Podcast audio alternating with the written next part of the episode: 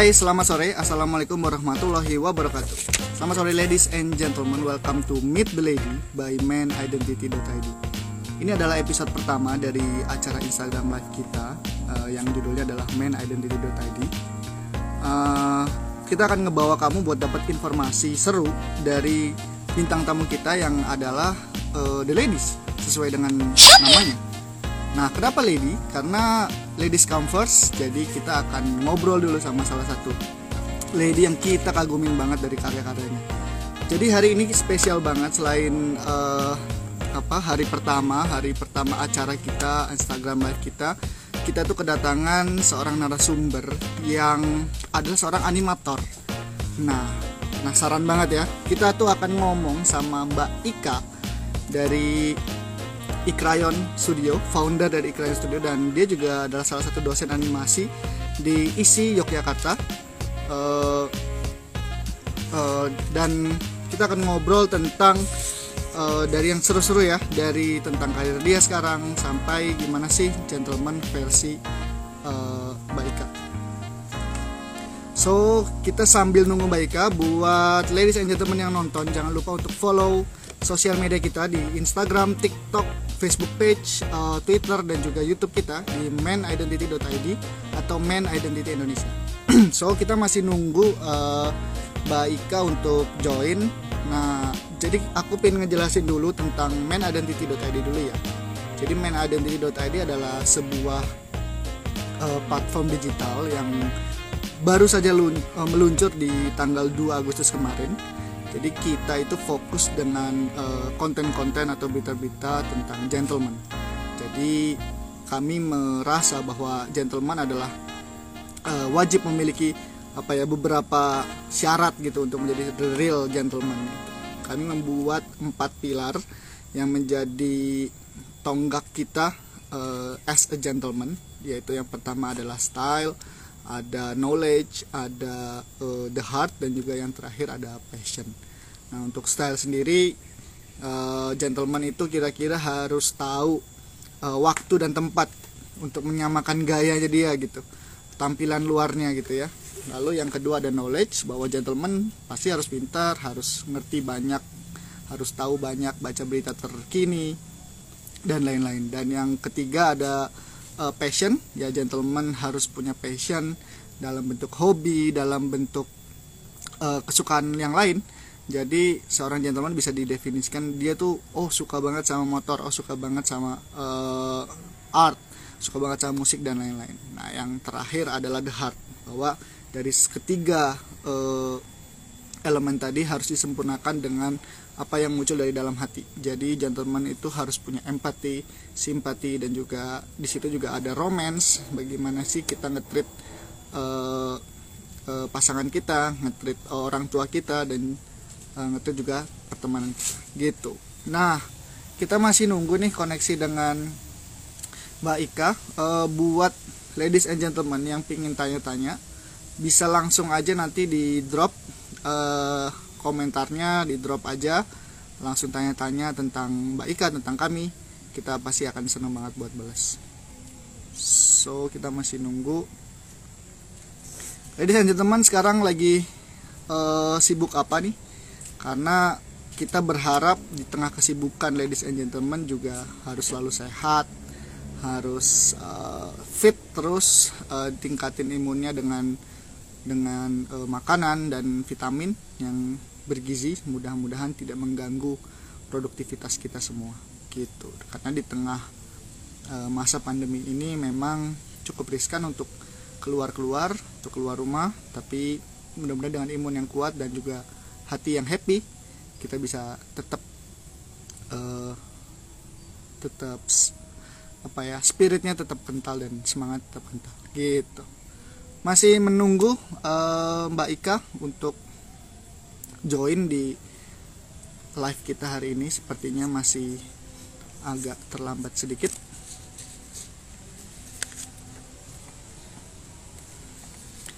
Hari ini kita akan ngobrol tentang karir uh, Mbak Ika. Dan kalau misalnya kita ngomongin sedikit uh, profile ya dari Mbak Ika seperti yang sudah gue bilang tadi bahwa Mbak Ika Yulianti. Atau bisa juga di follow di Instagramnya juga jangan lupa ya di ika.crayon di @ika.crayon uh, dia adalah founder dari Ikrayon Studio yang adalah sebuah studio desain grafis dan juga animasi sesuai dengan profesinya. Dan juga dia juga dosen animasi uh, di uh, ISI Yogyakarta. Jadi kalau ngelihat profilnya aja nih udah udah mantep banget nih seorang animator uh, perempuan dia juga dosen dan pasti dan karya-karyanya itu bagus-bagus banget. Kalau misalnya teman-teman ladies and gentlemen bisa cek juga di Instagramnya. Jadi kita yakin mudah-mudahan dari sini uh, para calon-calon animator atau yang lagi bingung dengan karirnya baik ladies maupun gentlemen yang juga mungkin uh, apa ya lagi pusing nih uh, gue harus ngapain? Gue gue harus kerja apa sih nanti gitu ya tapi dan punya ketertarikan di dunia animasi dan desain grafis ini cocok banget buat ditonton hari ini. So Mbak Ika sendiri berdomisili di Jogja karena dia juga dosen ya dosen di ISI Yogyakarta Institut Seni Indonesia. Jadi buat teman-teman yang di Jogja juga bisa langsung hubungin aja uh, di at ika.krayon atau di ikrayon studio Instagram gitu. Nah kira-kira kira-kira kita oke. Okay, Mbak Ika kita masih nunggu. Kita masih nunggu uh, Mbak Ika untuk join dan kita akan ngobrol tentang gimana sih pandangan Mbak Ika tentang the real gentleman versi dari Mbak Ika. Ini seru banget karena karena gentleman itu bisa uh, berbeda-beda versi orang gitu. Dan kita pengen tahu hari ini selain kita juga ngebahas karir dan juga uh, pekerjaan dari Mbak Ika dari profil Mbak Ika kita juga akan tanya nih uh, gimana sih versi gentleman the real gentleman versi Mbak Ika gitu. So Kembali lagi buat ladies and gentlemen yang pingin tanya-tanya bisa langsung aja drop your question di uh, komentar kolom komentar karena kita akan jawab satu persatu nanti di akhir acara akan ada sesi tanya jawab. Kembali lagi juga gue pengen ngingetin untuk follow instagram manidentity.id karena kita bakal ngasih info banyak banget tentang gentleman the real gentleman how to be a real gentleman dan juga berita-berita terkini yang tentunya pasti seru banget sih. Seru banget. Gitu. Kita masih nunggu ya. Kita panggil aja nih sebentar lagi uh, Mbak Ika untuk join di Instagram live kita.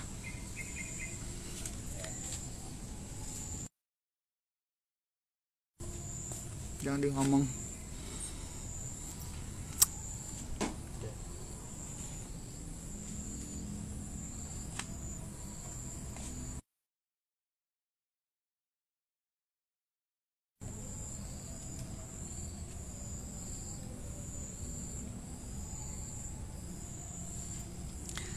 So kita masih menunggu uh, Mbak Ika untuk join. Ah, udah joining aku invite ya. Kita langsung in Mbak Ika Yulianti. Halo Mbak, sore. Sore. Suara aku jelas ya? Ya, jelas. Nah, ini nih ladies and gentlemen kita udah ketemu, udah ngobrol, udah sama Mbak Ika Yulianti, founder dari Ikrayon Studio dan juga dosen di uh, animasi ya, dosen animasi di ISI Yogyakarta gitu ya Mbak? Ya. Kita akan ngobrol tentang banyak hal nih Mbak, salah satunya uh, kenapa sih Mbak jadi animator dan juga gentleman versi Mbak Ika, gitu ya? Oke, iya. Wah. Sekarang lagi, sekarang lagi sibuk apa nih Mbak Ika nih? Lagi ada project apa atau? Ya kalau ngajarnya kita semua um, ngajar diusahakan semuanya daring ya mas. Belum bisa kalau uh, langsung. Maksudnya tatap muka belum bisa kan. Jadinya kebanyakan banyak di rumah nih mas. Sama ngembangin IP aja udah.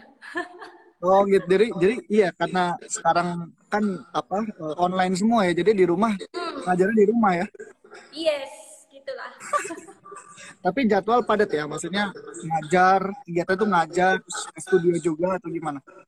Ya, ya masih bisa diatur lah mas. Kalau studionya sendiri, boleh dong Mbak ceritain tentang uh, Ikrayon Studio ya. Dia berdirinya kapan, terus uh, apa sih yang dikerjakan oleh Ikrayon Studio? Iya. Jadi uh, sebenarnya sih mulainya tuh kayak 2010 gitu mas, kayak mulai mulai mengkret uh, apa ya namanya uh, kayak semua portfolio dikumpulin, terus mulai ada beberapa partner atau klien-klien kayak gitu kan, terus baru dapat banget uh, bantuan dari background waktu itu kan, nah dapat oh. kayak uh, dapat kayak apa namanya legalitas untuk uh, PT gitu. Mm-hmm. kayak gitu sih itu, perjalanannya. Itu Tapi dulu, nah itu kayak ikut uh, apa ya kayak semacam programnya uh, hmm. background, cuman dia kayak untuk uh, ya bukan kompetisi juga ya, tapi kayak ya semacam kompetisi tapi nggak bisa disebut begitu juga gitu. Nah itu kayak orbit itu namanya orbit terus kemudian uh, masuklah ke apa uh, terpilih desainer kayak gitu kan bersama hmm. desainer desainer yang lain gitu terus akhirnya uh, networkingnya di background terus kemudian dapat program itu dapat uh, kayak oke okay, legalitasnya diberi gitu. Gitu. Sekarang jadi kemen parekraf kan iya iya background kan udah uh, bergabung ya. Yes gitu. Iya iya iya. Nah berarti dari tahun 2010 tadi ya berdirinya ya? Sampai uh, iya tapi legalitasnya 2019 2019. Hmm. Itu ngapain aja Mbak? Ikrayon Studio tuh apa sih uh, uh, spesialisasinya di mana sih?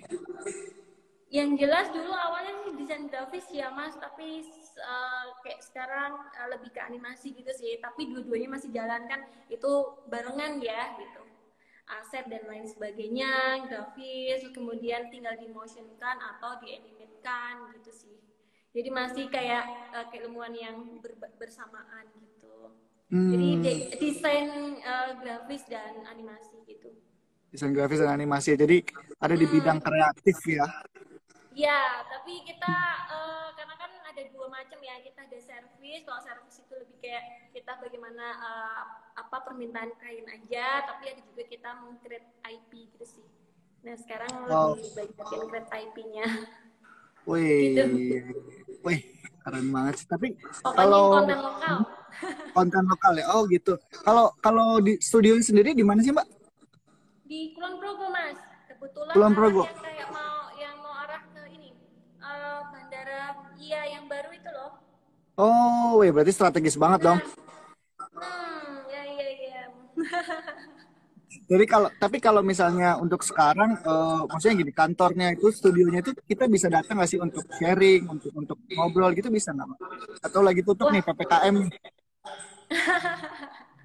ya, ya uh, apa maksudnya sebenarnya kita banyak direksi freelancer ya mas tapi kalau untuk beberapa kan di sini kayak ada beberapa community gitu kan kadang hmm. mereka hmm. ke sini untuk sharing itu sih sebenarnya jadi tidak tidak terus uh, apa namanya uh, dominan untuk komersial juga kita uh, ada ya. banyak beberapa kegiatan yang sifatnya sosial gitu.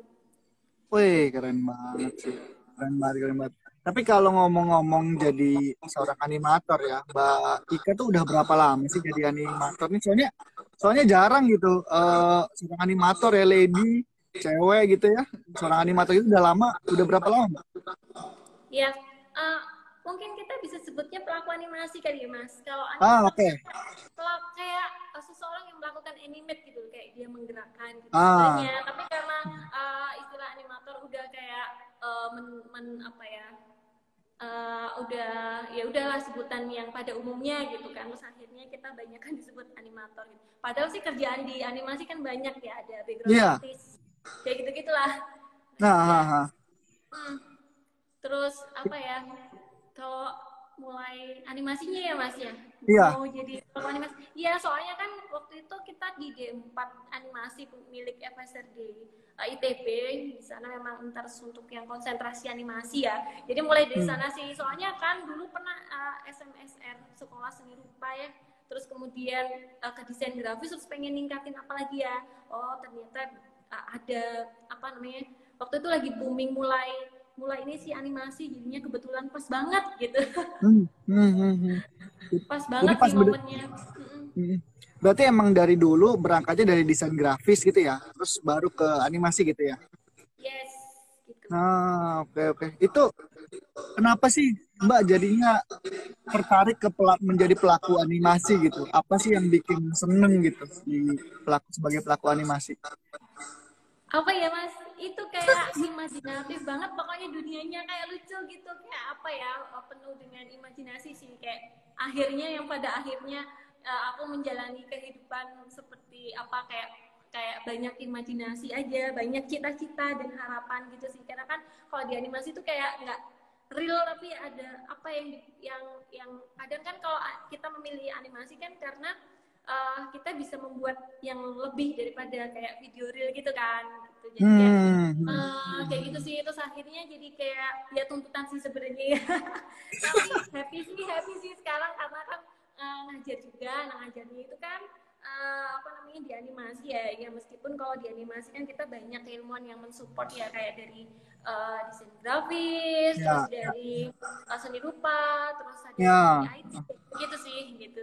Soalnya nggak banyak kan lulusan uh, animasi Hmm, gitu itu berarti termasuk termasuk apa uh, suara uh, scoring gitu-gitu ya masuknya di situ ya? ya cerita terus acting sih mas karena kebanyakan ah. kita mulai uh, kemarin sedikit ada riset di mana animasi-animasi yang mungkin ya terutama sih teman-teman mahasiswa ataupun teman-teman uh, siswa yang krit itu mulai dari awal gitu ya. Nah, animasi itu kayak mereka tuh bikinnya kayak ada sedikit uh, kurang penekanan meskipun ya sudah ada tapi kurang penekanan di teater uh, kayak di acting, acting sama hmm. uh, story hmm. itu sih kelemahannya. Tapi oke okay, hmm. dari uh, apa namanya dari banyak uh, pihak udah banyak banget kayak uh, mensupport uh, apa namanya materi-materi itu sih gitu di oh, acting oh, sama di story. uh, Nih, oke. Okay. Sebelum uh, sebelum kita masuk ke obrolan tentang gentleman nih, baik aku ya. pingin Aduh, ini dong mbak. Nih, tapi sebelum itu nih kita sebelum ke sana tuh aku pingin tahu sebenarnya Mbak Ika ingat gak karya pertama di uh, sebagai seorang pelaku animator? Ingat gak karya pertamanya dulu apa? ingat banget itu pas TA sih sebenarnya TA-nya masih yang wah kalau lihat malu gitu ya tapi oke okay. tapi terus setelah itu mulai join dengan studio namanya Irin Studio uh, waktu itu proyek untuk animasi uh, di Malaysia jadinya ke direct ya. hmm. ya itu jauh banget sebelum pandemi 2010 gitu udah coba uh, apa join dengan studio gitu karena pengen tahu sih bikin studio tuh gimana manajernya gimana terus hmm. uh, apa aja yang di dalamnya kan harus yang kayak studio beneran gitu ya nah uh, waktu hmm. itu itu itu kerasa banget sih gitu nah hmm. uh, ya filmnya waktu itu film untuk animasi sih. Sih mas. Ya jadi uh, apa ya kerasa perkembangannya ya dari karya pertama sampai sekarang ya. Ya apalagi sekarang banyak software baru ataupun software software pendukung yang uh, standar industri animasi ya yang memang hmm. harus kita update terus nanti kalah sama mahasiswa update mereka jauh iya dong. Benar benar benar. sama update update sih mm -hmm. iya yeah, benar benar benar Nah, oke okay, kita masuk nih ke, ke tema gentleman ya, ladies and gentlemen ya. Jadi yeah. sedikit uh, informasi juga buat yang nonton, buat ladies and gentlemen yang nonton tuh main identity.id itu punya empat pilar nih yang ibaratnya mendefinisikan seorang gentleman gitu ya. Yang pertama ada style, ada passion, ada knowledge, sama satu lagi the heart. Nah, kita akan ngebahas nih satu-satu uh, versi Mbak Ika gitu ya. Yeah. Kalau menurut Mbak Ika nih, kita ngomongin style dulu deh. Uh, style gentleman tuh harusnya kayak gimana sih? Seperti apa sih seorang yang uh, stylenya harus apa ya? Terlihat oh dia gentleman nih versi Mbak Ika. Gimana sih Mbak menurut Mbak? Ya oke. Okay.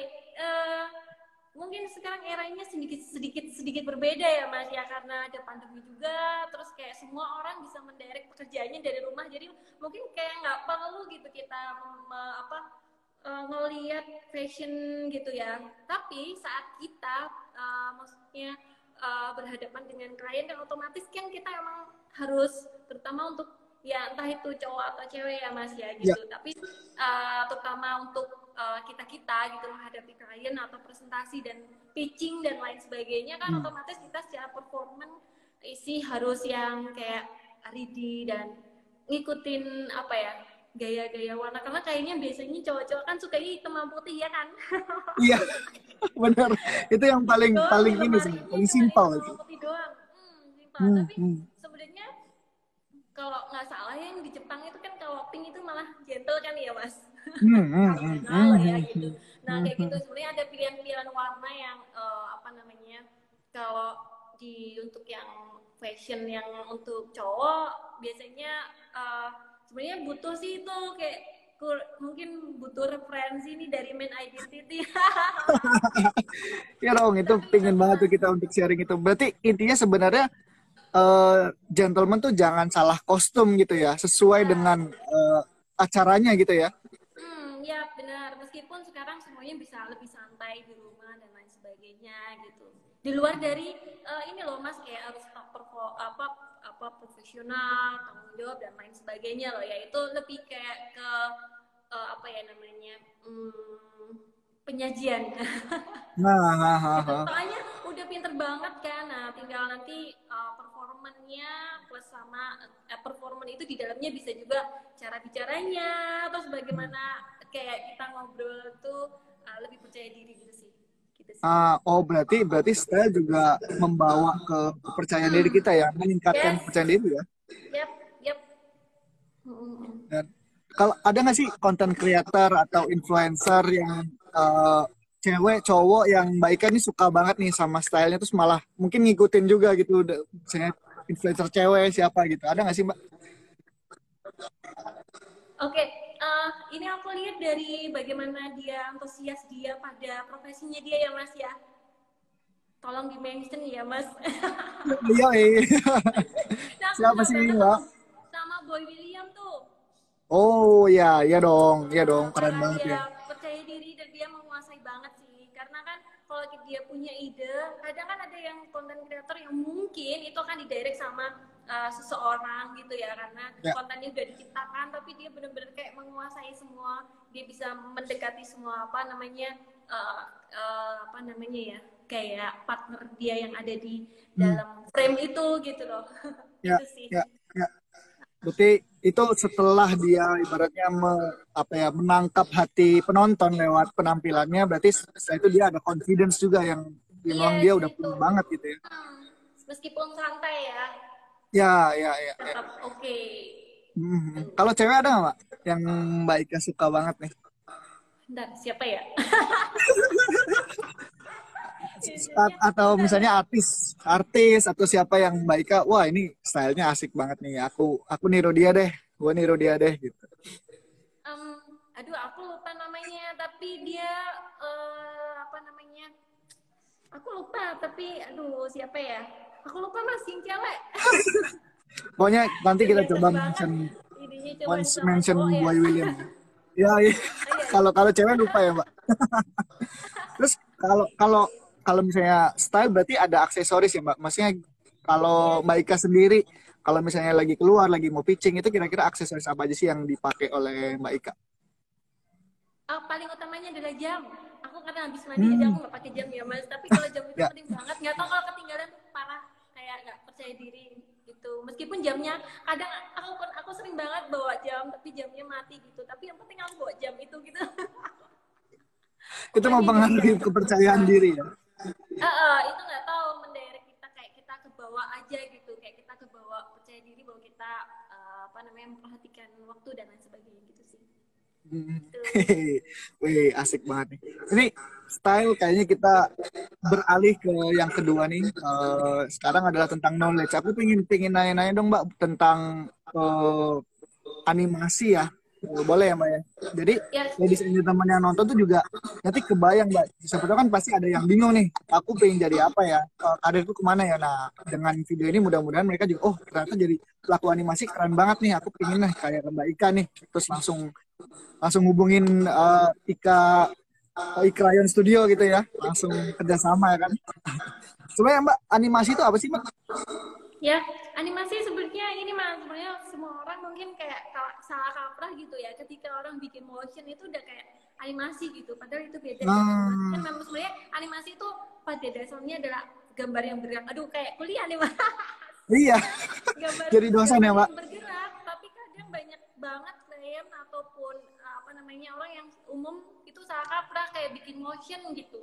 motion tuh kayak cuman gerak kanan kiri kayak Oh gitu. iya. Kalau kayak animasi yang memang bener-bener standar itu kan ada pergerakan garis. Kalau Hmm. untuk 2D, kalau untuk yang kayak 3D kan mungkin dia ada action apa yang kayak pergerakan dan uh, lain sebagainya yang dari sisi tampak ya mas jadi nggak cuma hanya tampak depan yang geser kanan kiri itu doang Hmm. nah Hmm. banyak banget tuh klien yang uh, salah kaprah ke sana bilangnya Iya. pesennya uh, ngasih ngasih referensinya motion tapi begitu sudah sudah selesai sudah ini tapi kok lu kok ini cuma geser-geser nggak halus gitu halusnya di mana nah itu Hmm. mas Ini orang pada salah kaprah sama motion grafik Hmm, hmm. parah Karena- itu Kalau motion graphic itu kan berarti basicnya dari still image ya, dari satu gambar. yes Ya, terus di di apa ibaratnya dia Geser-geser kan? ah, geser-geser gitu ya. yes Kalau animasi lebih kompleks berarti dong, Mbak. Maksudnya kayak kayak real aja ya, tapi dalam bentuk gambar gitu ya. yes Bentuk itu sih gambar bergerak. itu jelas produksi sama eh, budgetnya jelas mm, jauh ya mas gitu karena Hmm. kan kalau eh, motion kan cuman hanya butuh beberapa orang aja mungkin bisa Ya. gitu ya terutama dia kayak eh, aset artis maksudnya yang bikin aset-asetnya itu sama yang eh, kayak motion artis aja udah cukup tapi kalau Ah. yang animator animasi kan banyak Nah, pekerjaan di belakangnya Hmm. ada ada ada apa ya? Apa aja sih, Mbak, eh, yang untuk membuat satu animasi itu butuh butuh apa aja sih? Oke, Misalnya tugas-tugasnya banyak banget dan ini eh, peluang banget dan bahkan mungkin kayak eh, apa film-film pertama film-film yang udah populer gitu ya, bah eh, mereka tuh kayak butuh background dari kita kayak gitu-gitu loh. Hmm. Sebenarnya Hmm.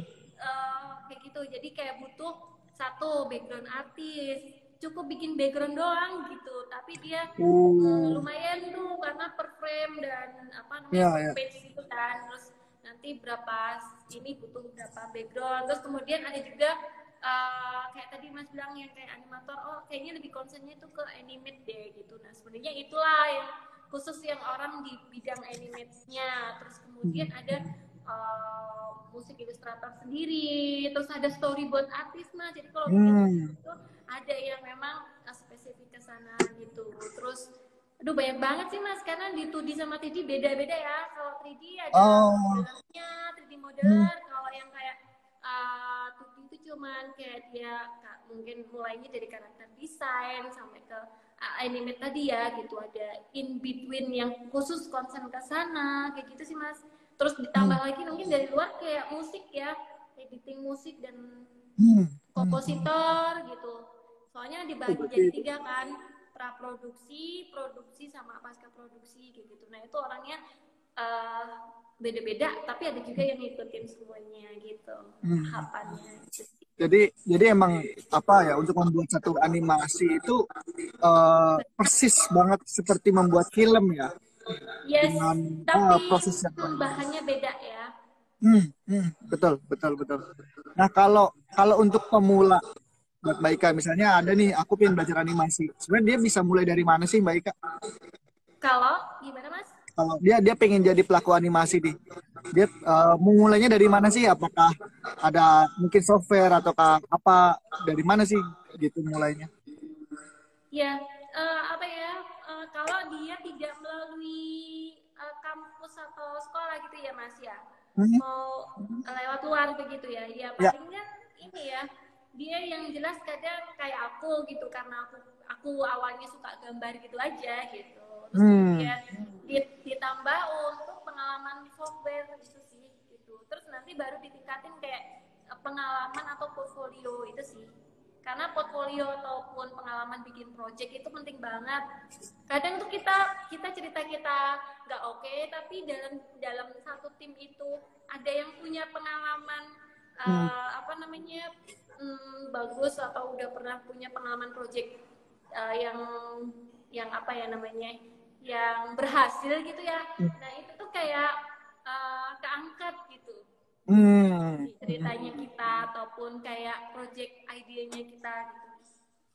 Aku tuh jadi inget mas, jadi mas kan nanya ini ya kayak apa sih yang bikin gentleman ataupun yang kayak kalau kita performan ketika kita menghadapi pitching itu tuh ide mas. Kalau kita nggak nguasain Hmm. ide Hmm. itu pasti uh, kita jadi nggak pede di tengah perjalanan Hmm. presentasi itu aku ingat tadi tadi berarti berarti harus ibaratnya dia tuh harus kreatif terus ya terus eh, ide-ide baru gitu ya mbak ide ide sama mempertahankan sih karena kalau udah riset meskipun sederhana ya kadang eh, apa namanya ide kita tuh kayak harus benar-benar dipertahankan kalau kita berubah-berubah nanti nggak selesai-selesai sih hmm, hmm, hmm. Hmm. Oh, kalau kalau ngomongin paten mbak Ika eh, perlu nggak sih eh, sebuah animasi itu ada patennya gitu perlu nggak sih untuk untuk sebuah hasil karya animasi Oke, kalau misalkan studio jelas kalau bisa sudah punya legalitas ya mas, karena kalau Hmm. legalitas itu mau CV mau PT eh, bebas sih, maksudnya mau tergantung skalanya aja. Itu penting banget karena sekarang kayak mungkin eh, project-project eh, pemerintahan ataupun apa ya project-project ini kayaknya memang butuh banget sama legalitas itu gitu itu. Terus kemudian kalau paten atau sifatnya kayak haki gitu ya mas kali ya. Ya. Kalau yang kayak logo dan segala macam itu kan support studio. Tapi kalau kayak film itu tuh yang paling utama tuh si karakter itu. Itu tuh harus dihakikan Hmm. gitu. Kalau udah fix udah riset dan mungkin validasi ya. Kayak eh, kayak dicek dulu eh, apa misalkan ke kayak ke anak-anak atau target audiensnya udah cocok Hmm. terus lang- langsung tuh cepetan dihakiin karena nanti biar punya identitas si karakter itu punya hak cipta gitu yang diakui Ya. murah sih mas kalau cuman uh, karakter satu karakter gitu Hmm, sebenarnya hmm. Oh. jadi terjangkau sih dan Ya, ya, ya. mudah dan dan itu penting juga ya untuk untuk untuk apa banget hak- sih. Mm-mm, banget banget. Karena kita bisa mendevelop sih. Kalau animasi itu kan nggak sekedar terus selesai di film ya. Kita bisa kayak ke merchandising kita kayak bisa mungkin ke komik kita mungkin ke eh, apa namanya boneka dan lain sebagainya gitu. Jadi banyak banget yang bisa dijual sih. Karena kan kayak mungkin orang-orang bisnis di itu apa namanya di animasi gitu ya. Dia udah kayak berpikir untuk ngejual licensing gitu loh mas Hmm. jadi gimana caranya bisa cuman IP itu tapi bisa uh, banyak produk turunan di luar animasi juga gitu yang bisa mensupport atau kayak mm, ya udah ini peng- sumber penghasilan yang bisa dijual gitu lah. Hmm, hmm. By the way, Mbak Ika, ini yang nonton banyak Yes. banget yang komen nih, Mbak. Bu dosen, Bu dosen katanya.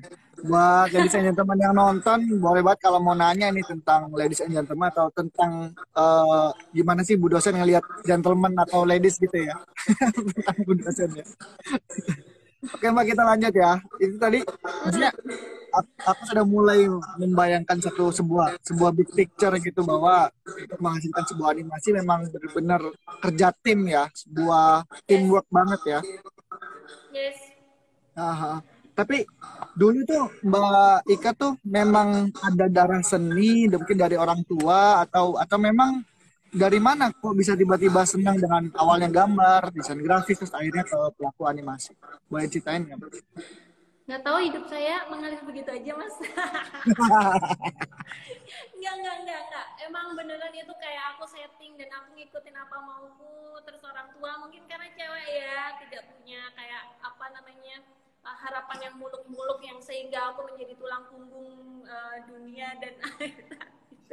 Jadinya nggak sampai sega, se, apa sampai sana sih gitu. Nggak ada tuntutan-tuntutan di mana aku harus bekerja yang kayak hmm, apa namanya bisa apa eh, membawa apa ya mengangkat perekonomian gitu untuk keluarga gitu. Nggak nggak nggak ditekan ke sana. Jadi aku lebih kayak nggambar dan nggak tahu pekerjaanku apa. Terus kemudian dari SMP umum SD kan mulai 5 SD terus kayak uh, banyak ngikutin lomba. Sama kompetisi aku gila parah sama kompetisi itu sampai sekarang. Aku ah, pengen terus ikut sih Hmm. gitu. Karena itu kayak nggak tahu ada ada apa jiwa ada jiwa yang pengen ngikutin terus kalau ada Hmm. kompetisi nggak tahu mungkin kadang nggak bisanya karena terbatas sama waktu aja sih gitu terus ada Hmm. SM, SD SMP umum terus ke SMSN nah dari situ kayaknya ada banyak peluang terus kayaknya ya itu sih kayak dari kompetisi terus banyak uh, apa namanya uh, apa namanya kepuasan kepuasan yang Hmm, kayak hmm. uh, ketagihan gitu mas kalau itu Ah, lomba menang atau kalah kan kita dapat dapat ini masukan karya kita Hmm. uh, salah atau ini ininya di mana gitu kurangnya di mana itu sih gitu Hmm.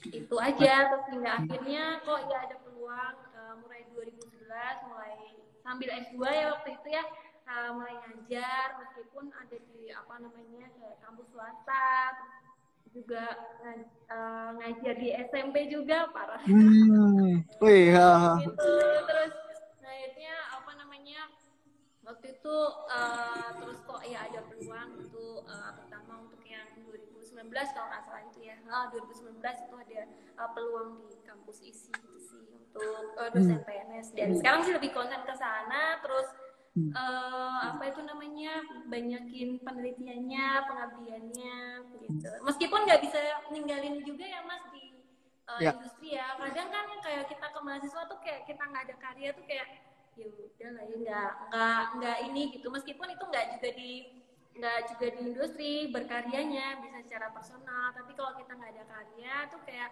eh, kayak mahasiswa kayak kurang eh, apa ya kurang mantep dikit gitu.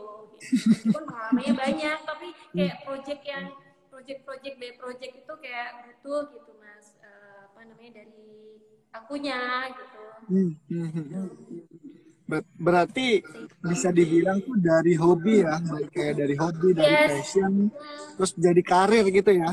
ya gitu sih mas Nah itu ingat gak di titik apa sih eh, tiba-tiba Mbak Ika tuh memutuskan untuk oh ya ini memang karirku nih, hobiku ini akan eh, jadi karirku nih. Ada nggak sih ingat satu titik? titik karirnya palingan ini ya mas waktu itu sempat LKS tuh momen momen yang paling berharga banget LKS Hmm. tuh namanya uh, uh, apa sih lomba ke kompetensi siswa ya apa ya kalau salah nah Hmm. itu LKS itu ajang ajang nasional tapi itu bergengsi banget gitu Hmm. itu ikut terus ke Bali pertama kali naik pesawat parah kan Di- di Bali ya, Mbak? Pesawat. Iya di Bali terus Hmm. uh, dapatlah juara satu terus dari sana dapat Eh, naik kuliah kan jadinya yang wow ini ya apa namanya mungkin aku ngikutin dulu jalur ini gitu maksudnya kayaknya aku eh, ya udah sampai sekarang kayak hobi yang berbayar gitu aja mah Iya, iya, iya. Berarti kan seneng gitu ya ngelakuin hobi, terus juga dibayar gitu ya.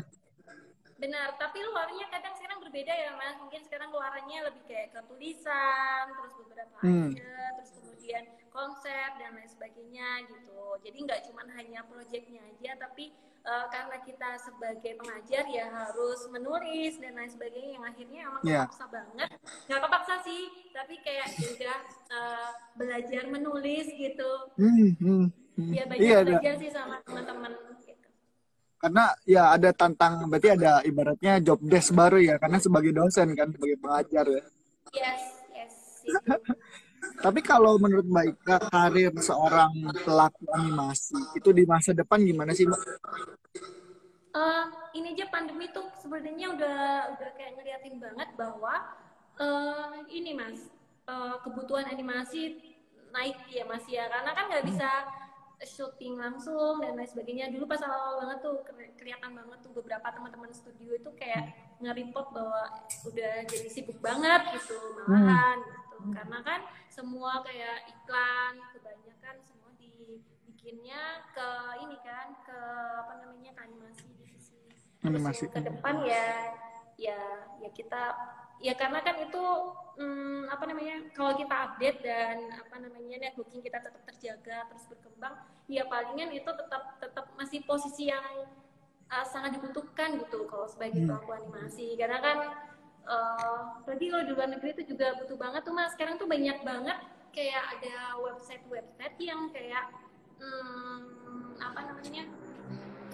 Kayak ini uh, butuh luaran produk dari kita kayak misalnya ilustrator ya. Nah itu tuh kayak parah banget gitu karena bayar dolar kan gitu. Nah kalau di Hmm, kan hmm. bisa bisa belasan juta untuk satu Hmm. ini satu ini apa namanya satu gambar doang gitu gitu. Nah itu banyak kan sih kalau kita banyak berselancar di situs-situs yang memang kiranya dia kayak butuh mm, produk-produk dari freelancer terutama Indonesia. Hmm. gitu. Sebenarnya banyak sasaran sih kalau di Indonesia tuh. Jadi kalau Iya, kita iya, udah iya. punya skill eh, itu sih itu udah parah itu udah kayak nggak bisa di nggak bisa digantiin sama eh, orang-orang yang kayak instan pengen belajar Hmm. terus pengen Iya. gitu nah itu tuh butuh proses sih kayak karena kan kita ada leveling ya mas kayak misalkan Hmm. level uh, junior dulu terus nanti kayak kita harus ke mau arah ke senior dan lain sebagainya kan itu pasti ada proses-proses gitu terutama di studio kan gitu Ya. Gitu. Oh, berarti cerah banget nih ya masa depan animasi ya. ya insya kalau- ya mas Insya Allah. Aku juga yakin sih, karena kan semuanya kan banyak akan switch ke digital kan, eh, termasuk di Yes. dalam bidang eh, video ya, maksudnya untuk animasi ya. Jadi, jadi itu yang memang masih sangat terbuka lebar dan dan tidak bukan apa ya, eh, perkembangannya sangat cepat gitu ya. Ya, sama ini sih Mas, kayaknya tuh bakalan ada pekerjaan-pekerjaan baru untuk eh, mungkin kayak mm, berapa tahun lagi gitu ya. Itu akan ada banyak banget pekerjaan baru dan itu beririsan dengan animasi pastinya gitu ya. Terutama untuk kayak kebutuhan teknologi kan gitu. Hmm, Soalnya hmm. kayak kemarin kan banyak banget prediksi tuh kayak misalkan kemarin ada ojek online dan segala macamnya. Dulu yang nggak kepikiran terus akhirnya sekarang Iya. kayaknya banyak banget membuat pekerjaan atau uh, membuka lapangan pekerjaan baru kan gitu. Nah, kayak ke Hmm. depan tuh kayak kita emang harus benar-benar satu networking sama dua tuh kalau kita uh, skillnya udah kuat tuh kayak benar-benar kita bisa mengalir ngikutin kebutuhan sebenarnya ya gitu. Itu sih mas. Iya, iya. iya. Wih, seru banget nih. Eh, sebelum kita lanjut ke pertanyaan berikutnya, aku pengen ngingetin buat ladies and gentlemen yang nonton untuk silakan kalau mau tanya tentang eh, animasi, tentang eh, apa, tentang Mbak Ika, tentang apa, gentleman dan ladies versi Mbak Ika, silakan ya langsung aja di komen. Eh, nanti kita akan jawab di akhir-akhir acara ya, Mbak. Nah, kalau ngomongin ngomongin tentang eh, industri kreatif, salah satunya animasi nih yang eh, Mbak Ika gelutin gitu ya. Kan itu kan ada apa ya? Kita tuh dituntut untuk selalu punya ide fresh gitu kayak tadi Mbak Ika bilang gitu ya. Nah, kalau dari Mbak Ika sendiri gimana sih proses mendapatkan ide-ide kreatif tuh? Gimana sih mendapatkan prosesnya gitu? Mendapatkan ide gitu. ya apa ya yang penting nggak diganggu sama pikiran yang negatif negatif tuh udah enak banget tuh bener mas itu kayak beneran itu kayak ah, eh, apa namanya dalam kondisi yang benar-benar ide itu ya mungkin ada beberapa ide yang akhirnya kepepet. Kayak contohnya ketika kita mau kayak uas atau apa ya ada beberapa mahasiswa yang akhirnya mungkin kayak kepepet waktunya terus pengen cepet-cepetin nah kadang ada ide-ide fresh yang karena kepepet tuh kayak gitu. Tapi dia Hmm. muncul tuh idenya tuh kadang udah kayak mau deadline gitu. Kayak gitu tuh kalau uh, pada cerita kan. Tapi oke itu nggak ada masalah juga ya soal kapan munculnya si ide itu. Tapi kalau aku men- menganu apa ya kayak sekarang tuh mungkin lebih kayak ke konsen ke konten lokal ya mas. Jadi semua eh, apa namanya kayak misalkan beberapa tulisan maupun kayak project tuh kayak aku pengen tuh arahin semuanya ke konten lokal gitu. Itu peluang banget Hmm. kan buat kita gitu sebenarnya. Karena banyak banget mungkin kayak beberapa festival ataupun eh, apa namanya eh, apa ya kayak semacam eh, lembaga pendidikan gitu ya SMK maupun perkuliahan gitu. Nah itu kan eh, sudah kayak benar-benar mewajibkan gitu untuk untuk apa mengangkat konten lokal gitu. Karena kan kalau kita mau Hmm. bersaing di luar negeri kan kalau kita mau bersaing dari sisi teknologi mungkin kita sedikit kurang gitu ya mas. Tapi kalau untuk konten kita wah udah parah banget mau mau berapa ratus tahun ke depan tuh nggak akan habis deh kalau Indonesia Ah. mulai dari kayak uh, motifnya aja udah yang beragam kan Iya, filosofi terus kayak cerita rakyat oh udah parah banyak banget dan Woi, nah ini ini kita mau jawab dulu nih satu ada satu pertanyaan dari Bosman Creative Hub. Eh, thank you untuk pertanyaannya. Film animasi favoritnya Mbak Ika, terus kenapa? Tuh, boleh tuh Mbak dijawab. apa ya mas kalau aku sorry aku masih sedikit ambil yang dari referensi luar ya. Palingan Ghibli ya. Itu parah banget sih. Hmm. Terus kenapanya? Hmm, apa ya? Artnya oke. Nggak tahu saya eh, lebih happy sama art-art yang kayak eh yaitu parah detailnya dan apa namanya teknik-tekniknya kan gitu. Nggak tahu aku masih yang Ghibli banget aku masih apa namanya eh, kayak eh, atau ini eh, yang kayak Totoro ya mas? Eh, Hmm, siapa ya? hmm. tuh ininya si apa itu boneka bonekanya sampai sampai uh, waktu itu ke sana tapi ternyata uh, untuk exhibitionnya nggak nggak setiap hari kan dibuka gitu di uh, jadi nggak bisa mengunjungi itu yang menyesal sampai sekarang. Dan itu yang studio Ghibli ya mbak ya? Totoro itu ya? Iya mas. Yes berarti salah satu apa ya role model juga ya studio Ghibli ya kita bisa ibaratnya banyak ilmu yang bisa kita ambil dari sana ya iya mas uh, ininya uh, karyanya sih gitu. Hmm, hmm. Ya. Parah itu masih jadi referensi meskipun uh, film-filmnya gitu itu apa maksudnya film-filmnya udah apa maksudnya mungkin yang yang sudah lama gitu ya tapi masih jadi referensi tuh sampai sekarang gitu gitu. Meskipun tekniknya udah berkembang ya mas sekarang. Ah, ah, ah, ah. udah banyak memudahkan kayak ada rigging dan lain sebagainya gitu udah banyak hmm. memudahkan. Tapi kayak hmm, apa namanya dia cukup jadi referensi sih. Referensi utama salah satunya iya iya iya. Moana Moana juga oke tuh mas Moana. oh Moana bagus. Iya ya benar benar benar Moana tuh ya. dia kayak dia mengulik uh, mart aku tuh suka banget sama materialnya dia hmm, yang dia di, yang dia sematkan di dalam visual visualnya itu materialnya oke okay banget tuh. Kayak semuanya kan kadang pengennya ngeflat ngeflat yang nggak pengen detailing gitu. Tapi Moana tuh yang uh, kalau aku ada kan dipinjemin sama teman gitu ada buku-bukunya gitu. Artbooknya tuh hmm, parah banget gitu. Mm-hmm. kalau uh, animasi di Indonesia uh, Mbak Ika yang favorit? Apa ya uh, Juki. Oh iya Juki ya benar benar benar bagus tuh Mbak. Benar benar benar. Uh, terus apa ya sebenarnya semua suka ya nggak bisa ini karena kan semua kayak punya taste sendiri ya mas gitu. Iya iya iya ya, benar kadang kalau kita tuh kayak orang animasi itu kayak selalu kalau nonton tuh sebenarnya ini parah sih kayak ngeganggu aja konsentrasi saat nonton film. Tuh kayak mikir ini tekniknya gimana ya? gitu. Iya jadinya jadinya mikirnya teknik uh, ya iya kayak waktu itu sempet nonton di bioskop sama teman-teman film terus dia karena dia editor gitu ya editor videonya gitu kayak uh, tapi untuk film yang lain gitu ya. Editor film terus kemudian kayak nonton tuh kayak Hah, itu tuh itu apa uh, apa namanya itu bocor ini kanan kiri. Uh, uh. Hah, kayaknya ngeliatinnya tuh teknik bukan ceritanya jadinya. Oh, itu sih kadang yang buat kita tuh ya no juga uh, kalau nonton tuh jadi kayak dominan ngeliatin tekniknya gitu. Yang iya. contoh kan gitu pengen jadi referensi. Ya ya benar benar benar benar. Jadi jadinya malah malah lebih seru ke tekniknya ya. Nah yeah. kalau kalau kayak gitu berarti gimana mbak misalnya gini uh, gimana sih cara ini versi mbak Ika untuk menyelaraskan uh, antara idealismenya mbak Ika dalam berkarya dengan uh, permintaan pasar gitu? Gimana sih cara yang yang menurut mbak Ika biasa dilakukan? Nah itu mas kalau di studio itu kan uh, ada dua macam yang satu servis, yang satunya adalah untuk pengembangan IP ya. Nah, IP hmm. itu kan tergantung dari studio masing-masing ataupun tergantung pada tim masing-masingnya. Kadang ada yang uh, belum ada studionya tapi kayak ada community ataupun se apa sebuah apa perkumpulan tim gitu ya. Hmm. Nah, itu uh, cara ngebedainnya ya palingnya itu Mas kalau si IP itu kan kayak mungkin dia dari pengalaman risetnya dia sendiri itu udah masuk ke idealis ya Mas ya gitu Nah, tapi kalau untuk service itu nggak bisa banget gitu.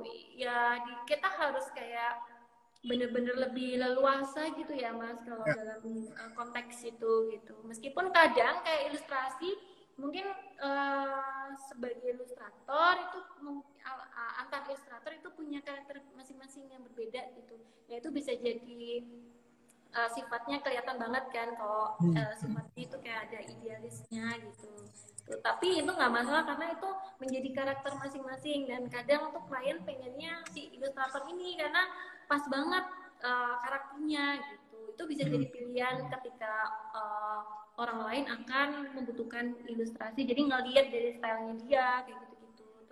Tapi kalau untuk animasi ya sebagian besar kita karena harus uh, ada muternya ya mas kayak gitu. Ada hmm, hmm. perekonomian muter untuk men, apa, mensupport si IP juga uh, jadi dibanyakin tuh servisnya gitu hmm. jadi berapa persen bisa masuk ke dalam pengembangan IP gitu kalau di dalam studio ya mas gitu nah Wih, menarik banget ya. Kita kembali ke pertanyaan nih dari ada dari Dims Pratama.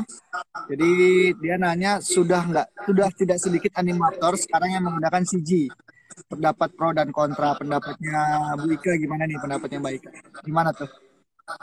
Pro kontranya di mana ya? nah, itu dia coba nih boleh tuh dijelaskan karena sebenarnya CG itu salah satu bentuk dari pengembangan teknologi ya, Mbak? Yes, tapi aku mungkin aku kurang uh, apa namanya mendapat informasi mengenai pro kontra ya. Pro kontranya makanya tadi di apa ya kak di Pratama. Nanti boleh nah, dijelaskan.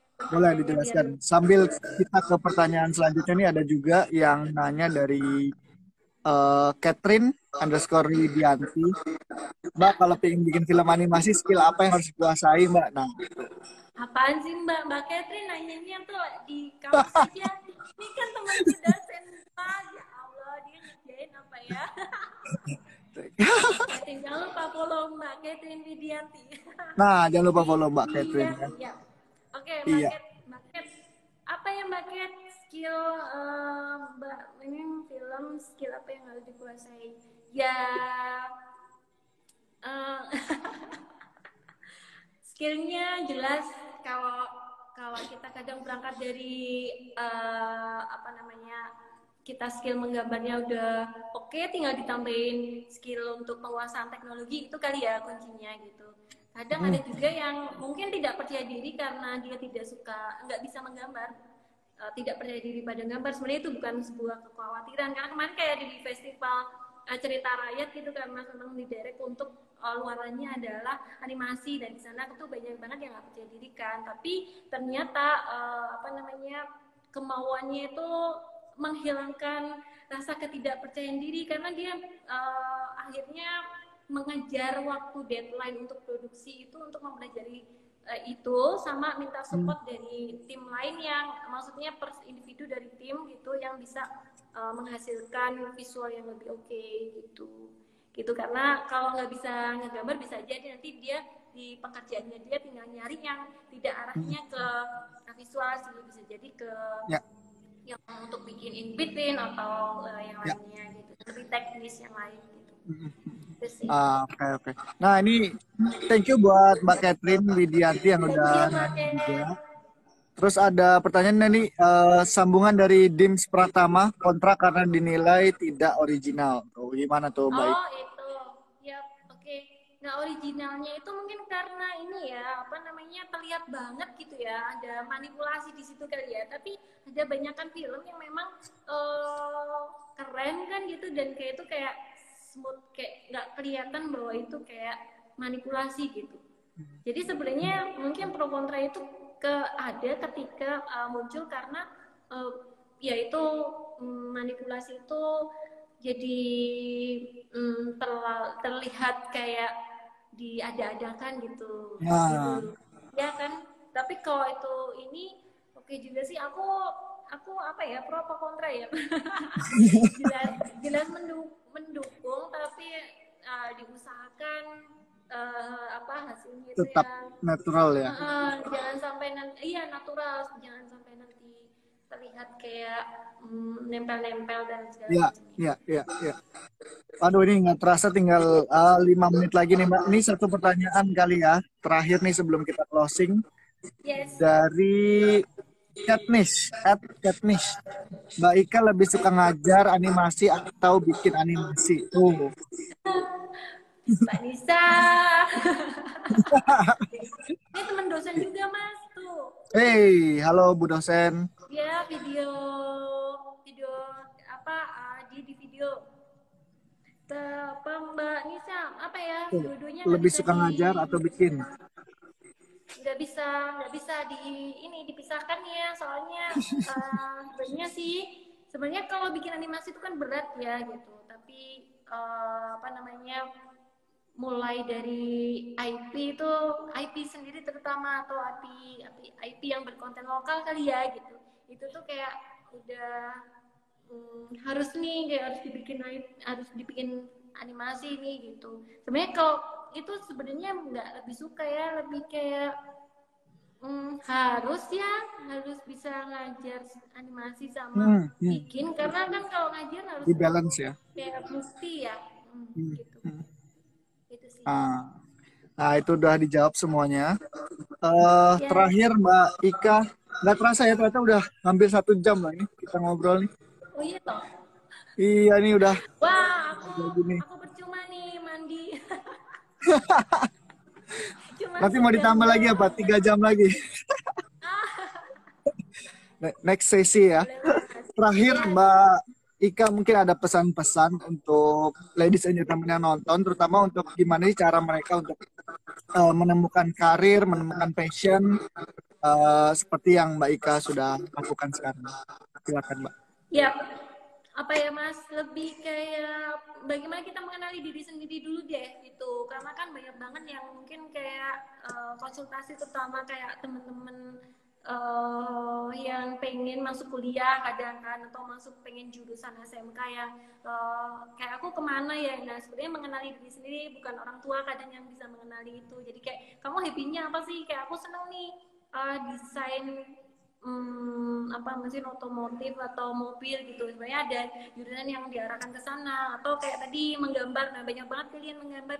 Bisa tuh arahnya ke seni rupa bisa arahnya juga uh, lukis ya tadi ya atau diarahnya ke desain grafis atau ke animasi atau ke yang uh, yang lain yang yang lebih arah seni gitu sih mas. Jadi yang pertama adalah mengenali diri kemudian mencoba yang kedua itu penting banget networking gitu saya coba untuk memposisikan diri supaya uh, apa namanya nggak tahu saya uh, nggak pengen kayak ini uh, merusak networking yang sudah dibangun gitu. Gitu Hmm, meninggalkan juga dan kadang tuh kayak iseng gitu WA gitu ya terus Ya. kan jadi sebuah pekerjaan baru mas karena kan kita harus nge-maintenance gitu jadi nggak cuman bikin tapi kayak harus maintenance si networking Betul. itu gitu jadi meskipun nggak dalam pekerjaan pasti itu eh, ya kalau nggak pekerjaan mungkin kayak ada peluang-peluang lain yang bisa kita dapatkan di networking itu gitu sih gitu jadi nggak cuma betul. hanya sekedar kerjaan kalau networking Ya, mah ya. gitu ya Hmm, jadi Karena- benar-benar di maintenance Ya, ya, ada Ya, ada ada trust ya. Ya, Ya, nggak semuanya bisa nge-maintenance sih kalau aku lihat ya. Kadang kan kayak ya udah berlalu begitu aja. Betul, Tapi betul. cara maintenance-nya ya gitu. Sebenarnya pengen banget sih di di kayak di area media atau konten ya kayak dulu gitu ada beberapa apa namanya ada network networking yang kayak arahnya tuh kita harus benar-benar mengembangkan diri ke media gitu ya tapi Ya. mungkin karena kerja apa namanya kayak waktu yang benar-benar nggak tahu 24 jam kurang ya gitu Kurang. akhirnya harus bagi-bagi ya dulu parah banget akhirnya lebih dari 24 nih Nah, harusnya ya. gitu. Itu sih palingan jadi mungkin dari kayak dini gitu dari kayak mungkin usia-usia awal tuh kayak bener-bener dia harus dikrit percaya diri sih gitu teman-teman tuh kayak di sini kan aku di desa ya mas kayak Hmm. apa namanya mungkin ada beberapa anak-anak yang suka main ke sini gitu kan terus kayak dia harus pintar ngomong tuh kayak misalkan ada ada kiriman apa ya dari sini ada tamuku kayak gitu dia ma- emang teman-teman itu aku sengaja untuk kayak temuin dulu deh gitu Hmm. aku pengen tahu dia ngobrol ya sebenarnya sih akhirnya jadi uh, dekat sama uh, teman-teman aku yang atau mungkin uh, tamu yang main ke sini ya karena mereka aku paksa untuk bisa percaya diri bertemu dengan orang baru gitu Hmm. sih gitu. Hey. Dari kecil tuh harus kalau aku dulu kepaksa sih mas aku nggak dibentuk itu aku paksa harus berani harus berani Oh iya, iya, iya, iya. Oke, thank you banget buat saran tips-tipsnya nih. Ini ngebangun banget sih Mbak Ika. Mbak Ika, maaf banget sudah harus waktu juga yang memisahkan kita. Terima kasih buat sharing-sharingnya. Terima kasih sudah mau jadi bintang tamu. Makasih banget ilmu-ilmunya. Semoga sehat terus. Juga buat ladies and gentlemen yang nonton, jangan lupa follow ya at uh. Juga follow juga ikrayon studio ya Mbak. Gitu ya. Dan jangan lupa follow juga at mainidentity.id. Uh, terima kasih semua. Ini bisa ditonton lagi di Instagram live kami. Terima kasih Mbak Ika. Sekali lagi ladies and gentlemen. Selamat sore. Dah. Terima kasih semua. Bye, terima kasih. Bye.